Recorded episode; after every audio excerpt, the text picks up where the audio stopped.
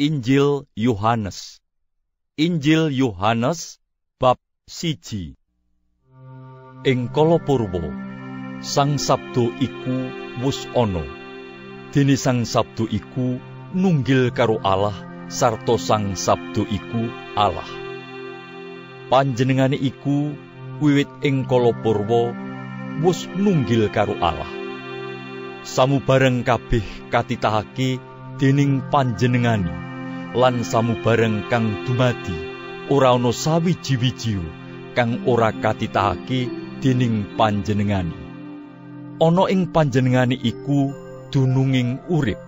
Sarta urip iku kang dadi pepadanging manungso pepadang iku sumunar sajroning pepeteng sarta ora kalindih dening pepeteng. Ana priya rawuh kautus dening Allah asmane Yohanes. Rawuhe dadi seksi, kapatah nekseni bab pepadang, supaya alantaran panjenengani wong kabeh padha pracaya.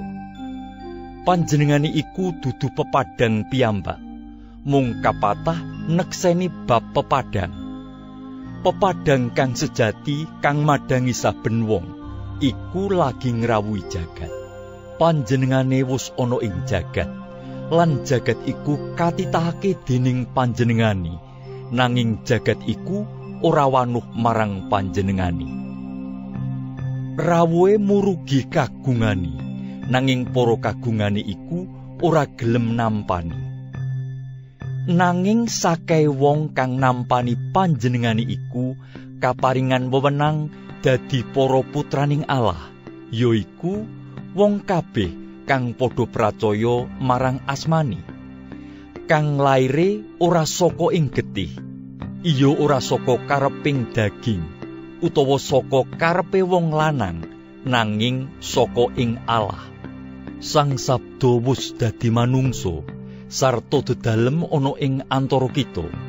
Sarta aku lan kowe kabeh wus padha nyawang kamulyani yaiku kamulyan kang kaparingake marang panjenengani yaiku putra untang antingi sang Romo kang kapenuan ing sih rahmat lan kayekten.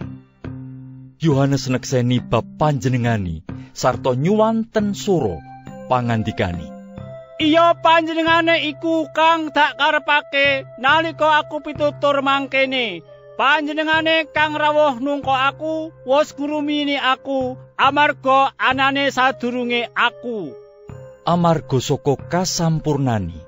Kita kabeh wus tampa ganjaran sih rahmat kang tanpa kendhat sabab angger-angger iku anggone kaparingake lantaran muso dene sih rahmat lan kayekten iku pinangkani saka Yesus Kristus. Ora ana wong siji-siji kang wus tau weruh Allah sang putra untang anting kang ana ing pangkoni sang Rama iku kang nerangake kawontenani. Iki paseksine Yohanes nalika wong Yahudi saka Yerusalem kongkonan para imam lan para wong Lewi supaya matur pitakon. Panjenengan menika sinten? Yohanes ngaken kanthi baris. Aku iki dudu Kristus kang dikongkon banjur padha matur pitakon. Menawi makaten, panjenengan menika sinten? Menapa Elia? Yohanes paring wangsulan. Dudu. Ing kuno kang dikongkon padha matur. Panjenengan menika sinten? Supados kula sedaya sami saged meratelaken dhateng ingkang engken kula. Pangaken panjenengan tumrap sarira panjenengan kados pundi? Pangandikane Yohanes. Aku iki suarane wong kang nyuara soro ana ing pasamunan. Padha nglencengno margi ambah-ambahane pangeran kaya kang wis dipangandikake dening Nabi Yesaya. Ing antarane para kang dikongkon mau ana wong Farisi sawatara banjur padha nyuwun pirsa maneh. Menapa dene panjenengan baptis? Manawi panjenengan sanes Kristus, sanes Elia, sanes nabi? Yohanes mangsuli. pangandikani.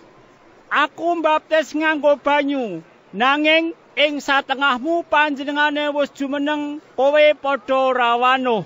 Yaiku panjenengane kang rawuhe nungko aku. Sanadyan mung nguculi tali ning trumpae wae, aku ora patut. Mungguh kelakone iku mau ana ing Betania, ing sabrangi kali Yordan, panggonane Yohanes Mbaptis. Esuke Yohanes pirsa Yesus murugi. Panjenengane banjur ngandika, Delengan iku cempening Allah kang birat dosane jagat. Iya panjenengane iku kang tak karepake nalika aku kandha mangkene. Ana priya rawuh nungko aku kang wis ngurumini aku amarga anane sadurunge aku. Maune aku dhewe ya ora wanuh marang panjenengane. Mulane aku teka lan baptis nganggo banyu supaya Ban Israel wanuh marang panjenengane. lan maneh paseksine Yohanes mangkene. Aku wis ndeleng roh tumedhak saka swarga kaya manuk dara dedalem ing sarirane. Maune aku iya ora wanuh marang panjenengane. Nanging kang utus aku mbaptis nganggo banyu wis ngandika. Menawa sira weruh roh iku nedhaki saweneng wong lan dedalem ing sarirane, panjenengane iku kang bakal mbaptis sarana roh suci. Aku wis ndeleng lan nekseni yen panjenengane iku putraning Allah. Esuke Yohanes jumeneng ana ing papan kono maneh karo murite loro. Nalika pirsa Yesus langkung, Yohanes ngandika, Lah iku cempene ngalah. Murite loro mau padha krungu anggone Yohanes ngandika mangkono iku. Banjur nderekake tindake Yesus. Nanging Yesus tumuli noleh. Panjenengane pirsa menawa murid mau padha nderekake. Banjur ngandika, Kowe padha golek apa? ature kang padha kadangu. Rabi, pakendelan panjenengan wonten ing pundi? Rabi tegese guru. Pangandikane Yesus. Ayo, kowe bakal padha weruh.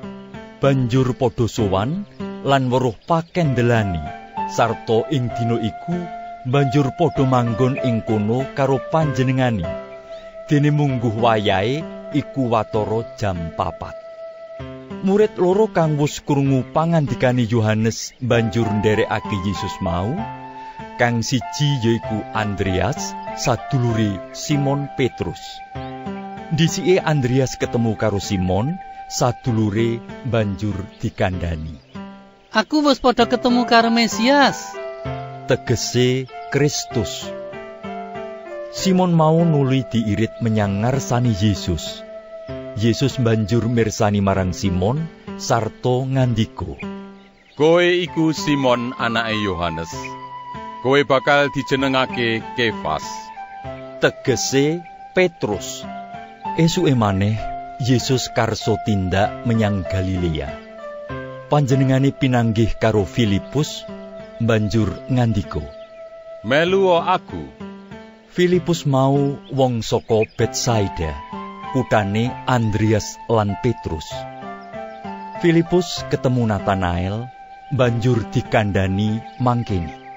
Aku wis padha ketemu karo kang kasebutake dening Musa ing sakjroning kitab Toret sarta dening para nabi, yaiku Yesus, putrane Yusuf saka Nasaret. Pangucape Nathanael, Apa ana barang kang becik saka Nasaret? wangsulane Filipus. Ayo, delengen dhewe. Bareng Yesus pirsa Nathanael sowan ing ngarsane, banjur ngandika, Lah iku wong Israel sejati, kang ora kadunungan cidra. Nathanael banjur munjuk. Panjenengan nguningani kawula saking pundi? Yesus paring wangsulan, pangandikani. Sadurunge Filipus ngajak kowe, aku weruh kowe ana ing sangisore wit anjir. Nathanael munjuk maneh. Rabi, panjenengan menika putranipun Allah. panjenengan menika rajanipun Israel. Yesus paring wangsulan pangandikani. Amarga aku pitutur marang kowe, aku weruh kowe ana ing sangisore wit anjir, kowe banjur pracaya. Kowe bakal weruh lelakon-lelakon kang luwih nggumunake katimbang karo iku. Yesus banjur ngandika mangkene. Satemene aku pitutur marang kowe, kowe bakal padha weruh langit mengo, lan para malaikate Allah padha munggah mudhun marang putraning manungsa.